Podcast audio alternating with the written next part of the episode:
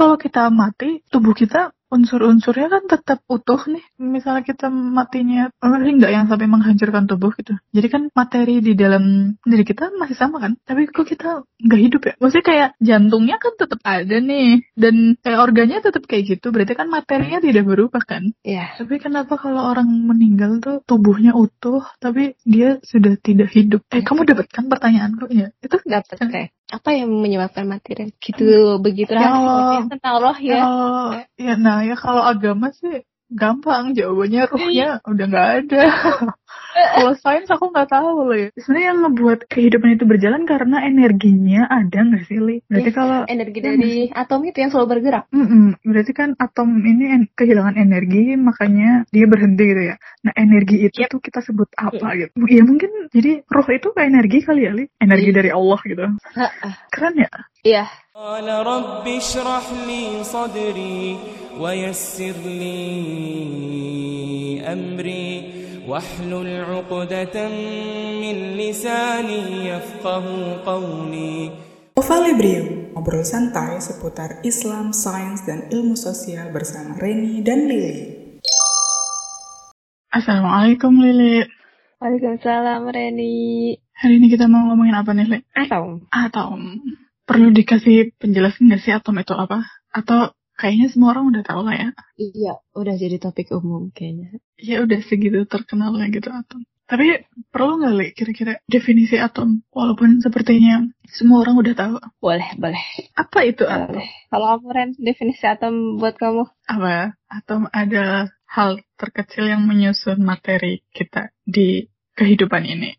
Di alam semesta. Bener ya? Bener, Oh iya. materi terkecil yang tidak dapat dibagi lagi. Iya, jadi atom itu dari bahasa Yunani awalnya artinya tak terpecahkan. Pertama kali itu ilmuwan tuh mengetahui atom tuh yaitu dari alam semesta pengamatannya itu tuh sekitar abad kelima sebelum masehi. Yang pertama kali menyetuskan atom tuh Demokritus. Terus habis itu baru ke abad ke-17 sampai 19 lah baru ada ilmuwan namanya John Dalton itu yang pertama kali menyebutkan bahwa atom itu penyusun dasar suatu materi. Enaknya kita ngebahas dari mana, Li? Penyusunnya sih. Penyusunnya aja. Hmm, Iya. Gimana? Terus Jadi itu atom itu ini paling sederhana sih, Ren. Hmm. Paling sederhana itu atom cuma punya tiga yang nyusun di inti sama di kulit gitu. Atom itu sifatnya netral. Jadi tuh semua materi di dunia ini tuh sifatnya netral kan. Inti atom tuh isinya apa sih? Bukannya proton sama neutron ya? Iya.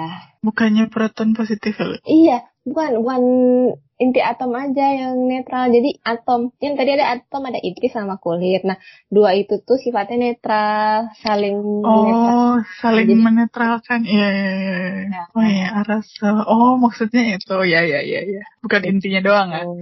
Ya, ya, Iya, ya. Oke, oke, oke. I look stupid gitu.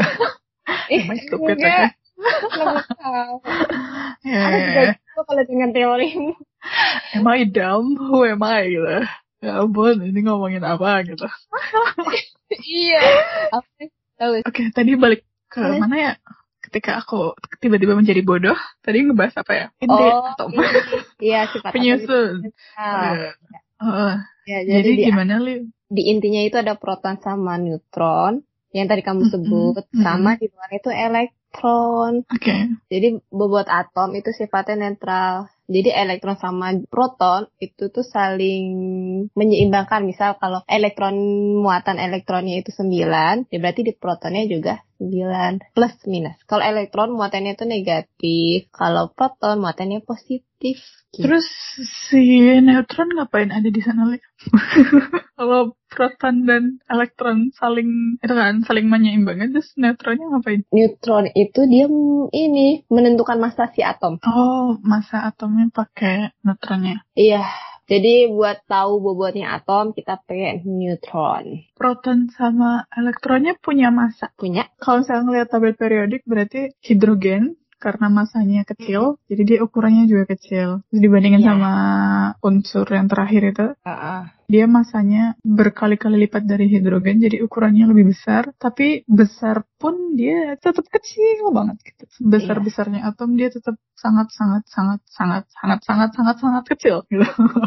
Iya, tapi unsur yang 118 ya. Kan unsur ya kita udah ngomongin unsur ya unsurnya yang gede atau memang tetap kecil Bukannya unsur itu cuma atom tetapi isinya yang beda dalam arti isi unsur kan Oh. tetap cuma elektron, proton dan neutron enggak sih? iya ya Tapi deh. jumlahnya lebih banyak. iya Jadi atom atom itu intinya adalah eh gimana gimana? Kepalaku. Ini kalau kalau misalnya ada yang dengerin dan pusing nggak apa-apa ya, Le. Aku juga pusing jadi wajar.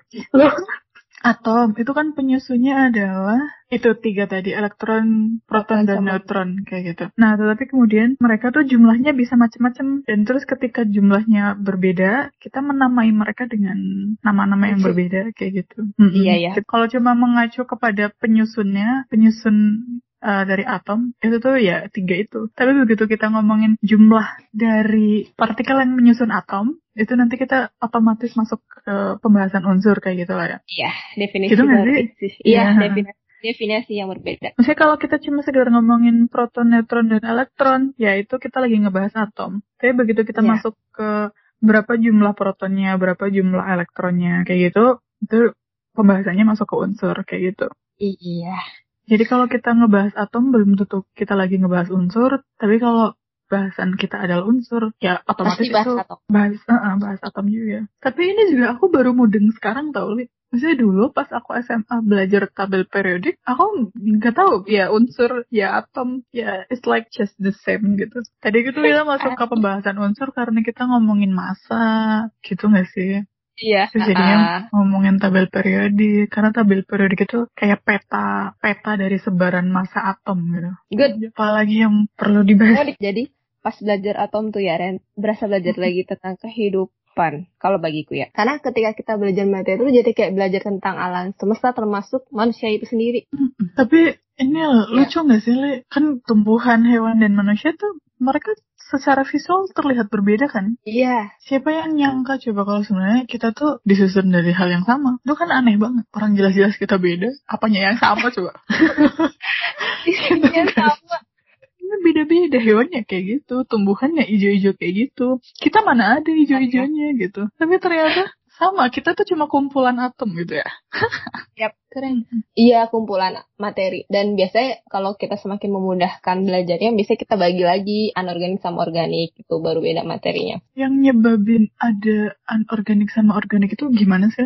Kenapa ada materi yang hidup, tapi ada materi yang Dan mati? organik itu materi yang ditemukan di makhluk hidup umum materi yang menyusun sebagian besar makhluk hidup itu lebih besar defini lebih tepatnya definisinya Jadi itu maksudnya reaksi dari unsur-unsur ini somehow ngebuat materi jadi hidup gitu ya, Le? Betul, itu definisi yang benar. Wow. keren. Jadi tadi apa aja materi eh unsur pembentuk organik? Karbon dan hidrogen yang utama dan yang lainnya itu ada nitrogen, oksigen, fosfor, halogen. Nah, halogen itu lebih dari satu unsur. Halogen itu 6. Hmm, halogen 6 apanya maksudnya? Oh. Amdam, maaf ya. Jumlahnya jumlahnya, jumlah unsurnya. Jadi kita sebutnya dia golongan 6A. Oh, jumlah unsur. Jadi bukan yang halogen sendirian gitu, tapi dia Iya. bersama halogen yang lain. Oke. Betul. Sama tadi apa Belerang. sulfur yang terakhir belerang. Aku mau nanyain ya, kan tubuh kita itu mengandung itu yang tadi karbon, hidrogen dan teman-temannya tadi. Tapi kalau kita mati, kan tubuh kita ini ya unsur-unsurnya kan tetap utuh nih karena misalnya kita matinya paling nggak yang sampai menghancurkan tubuh gitu. Jadi kan materi di dalam diri kita masih sama kan? Tapi kok kita nggak hidup ya? Maksudnya kayak jantungnya kan tetap ada nih dan kayak organnya tetap kayak gitu berarti kan materinya tidak berubah kan? Iya. tapi kenapa kalau orang meninggal tuh tubuhnya utuh tapi dia sudah tidak hidup padahal unsur pembentuk kehidupannya masih utuh? Eh kamu dapat kan pertanyaanku ya itu Dapat kayak Iya jadi mikir kayak gitu gak sih? Iya kan? Apa yang menyebabkan mati Ren? Gitu begitu Ya tentang roh ya. Kalau ya nah ya kalau agama sih gampang jawabannya ruhnya udah nggak ada. kalau sains aku nggak tahu loh ya. Kayak kenapa jantungnya berhenti berdetak gitu ya? Padahal kan organ jantungnya masih utuh gitu loh. Logisku ya, make sense tuh karena kalau atom itu salah satunya itu dia itu selalu bergerak ya Rin. Mm-mm. Jadi kemungkinan besar tuh, oke dia ada nih unsurnya, tapi tuh mereka udah nggak bergerak lagi, udah nggak hidup. Ya kenapa mereka nggak bergerak? Li? Selalu Pisces gitu. Kenapa mereka nggak bergerak? Karena mereka ada yang membuat mereka bergerak. Ya terus kenapa mereka berhenti bergerak sekarang gitu? yang tadinya Karena ada bergerak. yang menggerakkan, Ren. Nah, yang menggerakkan itu apa? Aduh. Emang ya. Ya kalau ya kita sih alhamdulillahnya ada Islam jadi jawabannya gampang ya Leo. jawabannya gampang gitu. Iya, Ren. Kalau secara sains gitu, dia tuh nggak bergerak. Kenapa makanya jantung bisa berdetak? Jadi reaksi yang di dalam tubuhnya udah nggak bergerak lagi. Atom-atom penyusunnya, materi unsurnya itu udah nggak bergerak lagi. Dan itu harus ada alasannya kan kenapa dia berhenti bergerak kayak gitu. Yes. Sebenarnya yang ngebuat kehidupan itu berjalan karena energinya ada nggak sih Li? Berarti Yes. kalau Energi dari atom itu yang selalu bergerak. Mm-mm. berarti kan atom ini en- kehilangan energi makanya dia berhenti gitu ya. Nah energi itu Yep. tuh kita sebut apa gitu? Ya mungkin jadi roh itu kayak energi kali ya Li? Bisa. Iya, Mungkin. Ren. Karena tuh Mungkin aku mungkin. pas belajar ini ya, transfer el- transfer apa namanya? Kayak siklus Krebs kamu Hmm, iya. kan? yang kata kita Siklus pembentukan ATP, ya kan? Ha-ha, nah, Iya itu energi itu ya. Yang gula-gula Itu enggak sih? ya? Iya, Hmm. reaksi sederhananya kan mereka cuma penyerahan elektron, ternyata intinya itu mereka tuh pelepas transfer elektron itu kan berarti sebenarnya Oh, pergerakan dari Hmm. atom ya kan? Iya betul. Heeh. Atomnya bergerak, elektronnya berpindah. Nah iya, iya kali Li. berarti mungkin nama lainnya roh adalah energi, ya. energi Iya. dari Allah gitu. Keren ya? Iya, iya. Iya, aku lagi aku speechless nih. Terus makanya ketika aku nggak bergerak tuh aku merasa malu gitu loh Ren sama energi yang di tubuh aku sendiri. Karena aku tahu kan, karena aku belajar jadi Heeh. Tahu, ketika aku nggak bergerak itu tuh ngerasa malu gitu loh bahkan unsur dalam tubuhku tuh yang tanpa aku tuh mereka terus selalu bergerak gitu loh. Kenapa aku harus nggak mau bergerak tadi aku bilang sih penyusunan atom tuh intinya tuh kan positif dan netral ya Ren ya. jadi itu Mhm. yang di luar itu kan yang negatif kan. Dan Mhm. ketika tahu struktur kayak gitu ya bahkan subhanallahnya Tuhan tuh ya menciptakan itu ya. Itu tuh kayak bahwa manusia tuh sebenarnya intinya tuh tetap positif loh. Itu tuh sebenarnya cuma reaksi yang bisa kita lepaskan. Itu karena kita kita tuh sebenarnya terdiri dari atom, yang atom adalah di dalam intinya positif. Kita tuh sebenarnya inti diri kita juga positif gitu ya. Ya, Muatan negatif tuh cuma mengelilingi diri kita gitu loh. iya Dan muatan negatif itu bisa kita lepaskan karena elektron bisa mengalir. yes Dia bisa mengalir keluar dari atom kita kayak gitu. Iya, karena inti kita positif sebenarnya hal-hal nilai-nilai dalam kebaikan itu sebenarnya susah lo buat dilepas gitu. Ya nggak sih? Ren? Oh iya, lebih gampang berbuat baik daripada berbuat jahat gitu lah intinya. Iya. Sebenarnya manusia itu lebih mudah untuk didorong buat berbuat baik loh sebenarnya. Kan kita tuh terdiri dari atom. Jadi bisa dibilang unsurnya kita, unsur di dalam tubuh kita manusia itu tuh sama kan. Iya. Sama dengan yang ada di alam gitu, ada di ada di alam semesta kayak gitu. Tetapi karena manusia itu punya kesadaran, jadi tuh kita Hmm. bisa mengobservasi alam semesta itu gitu loh. Jadi kan sebenarnya kita adalah alam semesta itu sendiri, tetapi bisa mengamati alam semestanya. Alam semesta yang mengamati alam semesta. Kita tuh bagian dari alam semesta yang diberikan kekuatan untuk mengamati alam semesta semesta itu Yes. sendiri. Keren ya, maksudnya iya ya. Sebenarnya kita itu sama-sama nih sebagai alam semesta itu sendiri, tapi bedanya kita punya kesadaran untuk memahami, untuk memahami cara kerja alam semesta. Bahkan nanti pemahaman ini bisa sampai kepada memanipulasi alam semesta itu. Iya, Yes. memanfaatkannya ataupun merusaknya kayak gitu. Jadi sebenarnya kalau misalnya kita lagi merusak alam semesta, kayak kita merusak diri sendiri. Sendiri. Karena kita bagian dari alam semesta itu, jadi kita pasti akan kena efek dari rusaknya alam semesta. Gitu. Iya. Makanya Padahal sebenarnya terlahir sebagai terlahir sebagai seorang manusia, tapi nggak memanfaatkan kesadaran Oh. ini untuk memahami alam semesta, itu kayaknya rugi, nggak sih? Le? Adalah hal yang seru gitu. Dilahirkan sebagai manusia terus punya kesempatan untuk memahami alam semesta. Yang walaupun bikin pusing ya, walaupun bikin pusing. Kayak, am I dumb? Orang Apa, apakah aku terlalu bodoh untuk memahami alam semesta gitu? Kenapa ini susah sekali? Eh, eh, pusing. Apalagi lo- Lagi ya? Yang menarik dari atom tuh ya, kan penyusunnya ada tiga itu. Tadi kamu udah bilang penyusunnya ada elektron, Mm-mm. proton, dan neutron. Tapi yang menarik lagi dari atom Ya. adalah karena sebenarnya ruang kosongnya banyak banget. Ruang kosongnya luas. Iya, itu secara fisik. Jadi Hmm. ketika kimia mempelajari reaksi apa kalau kimia itu lebih mempelajari materi dan reaksi yang mereka tapi ketika udah masuk fisiknya itu udah fisika Jadi bisa dibilang kita itu isinya adalah kekosongan guys. Emang Hmm. kamu nemu apa dari ruang kekosongan itu Kita sebenarnya nggak ada. Kita sebenarnya adalah kekosongan. Kita sebenarnya adalah ilusi. kosongan itu isi energi kemarin Oh, pantesan. Enggak ini loh, lihat. Ya, aku jadi ini. Kan kita mostly atom itu mostly adalah ruang kosong, tapi yang Iya. penuh dengan energi. Jadi Iya. kan sebenarnya yang yang paling penting energinya itu kan. Iya. Dan terus kalau tadi kita ngomongin nama lain dari Energi, roh ya. adalah energi, jadi sebenarnya di dalam diri kita yang paling penting adalah roh itu, jiwa kita. Dan Iya. ya kita tuh hidup bu- buat ini apa mem- memastikan bahwa nanti ketika kita kembali kepada Allah kita tuh adalah roh yang tenang. Apa sih yang di surat Fajar itu?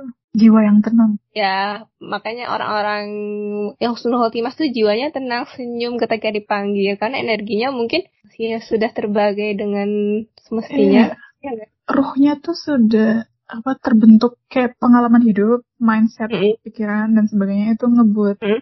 ngebentuk energinya jadi energi yang positif atau dengan kata lain ngebentuk rohnya jadi roh yang tenang kayak gitu ridho sama Allah ridho Iya. diciptakan jadi manusia ridho lahir di keluarga apa ridho Iya. lahir zaman apa kayak gitu ridho dengan segala hal yang dilalui dalam hidup ini susah senangnya kayak gitu Ternyata Rido itu bisa disainin ya. Saintis kan. Iya, saintis kan kan. Masya Allah. Berarti pasrah tuh bukan, eh, maksudnya Rido itu bukan hanya pasrah gitu loh, berat, tapi sadar akan energi yang, kita tuh punya energi yang bisa kita arahkan gitu loh, Ren, ya gak sih, Ren? iya bisa. Ini lihat surat al-fajr ayat 27 wahai jiwa yang tenang kembalilah kepada Tuhanmu dengan hati yang ridho dan diridoinya keren ya? Pembahasan atom kita bisa sampai ke sini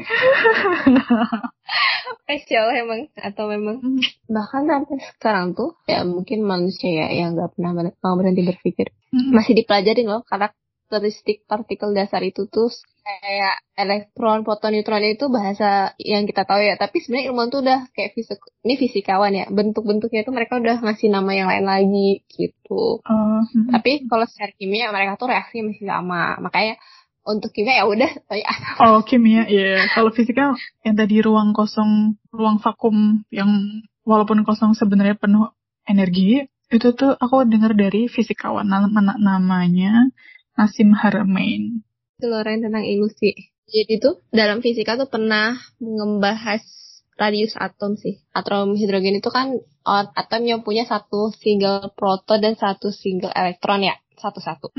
Tuh. Kan di sini ada pertanyaan berapa sih besar atom hidrogen ini? Atom yang paling sederhana itu, itu tuh bis- biasa dikenal radius Bohr yang ditemukan oleh Niels Bohr. Beliau itu yang menemukan orbit elektron, setahu Orbit. aku. Hmm. Orbit elektron. Jadi kan elektron itu Oh, yang itu Iya. nggak? yang SFPD, Iya. SPFD, something like that. SPDF, iya bener. Radius atom hidrogen itu sekitar 0,84 kali 10 pangkat min 15 meter atau volumenya itu sekitar 2,5 kali 10 pangkat min 45 meter kubik. Min 45. Sekitar segitu. Wow.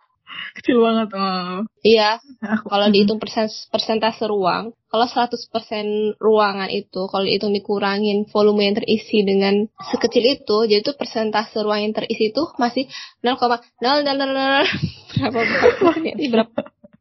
Satu, Iya, dua, tiga, sepuluh pangkat tiga belas, empat kali sepuluh pangkat tiga belas persen yang terisi. 4 kali 10 pangkat minus. Iya. Eh, berapa? Iya, Makanya minus atom 13. hidrogen kan yang terisi segitu ya. Makanya sisanya ruang hampa yang tadi kamu Iya, sebutin iya. itu.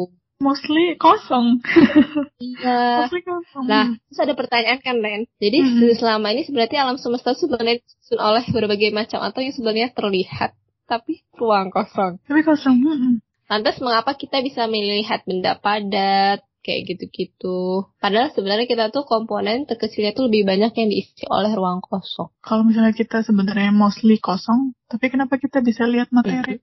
Nah, itu karena jika tubuh kita diamati di bawah mikroskop itu, jadi tuh kita kayak lautan lautan butiran debu yang gerak terus-menerus gitu loh Ren. Yang secara ilusi terlihat benar padat. Nah, Yes. ilusi ini tuh disebabkan adanya gerakan yang sangat kuat. Di sinilah fisika jadi menarik karena pembahasan fisik dan ruhnya itu. Fisik itu materi, ruh itu di sini sebutnya gaya atau force energy. Itu yang juga Apa? dijelasin sama Nasim Haramain yang tadi aku sebut. Kalau dia pakai analogi air. Mm-mm. Kalau air, ada arus air tuh yang terus-terusan bergerak muter. Itu Hmm. kan nanti akan kelihatan. Nah, secara visual akan kelihatan dibandingkan sama air yang tenang kayak gitu. Yang seolah-olah kayak Oke. kaca doang.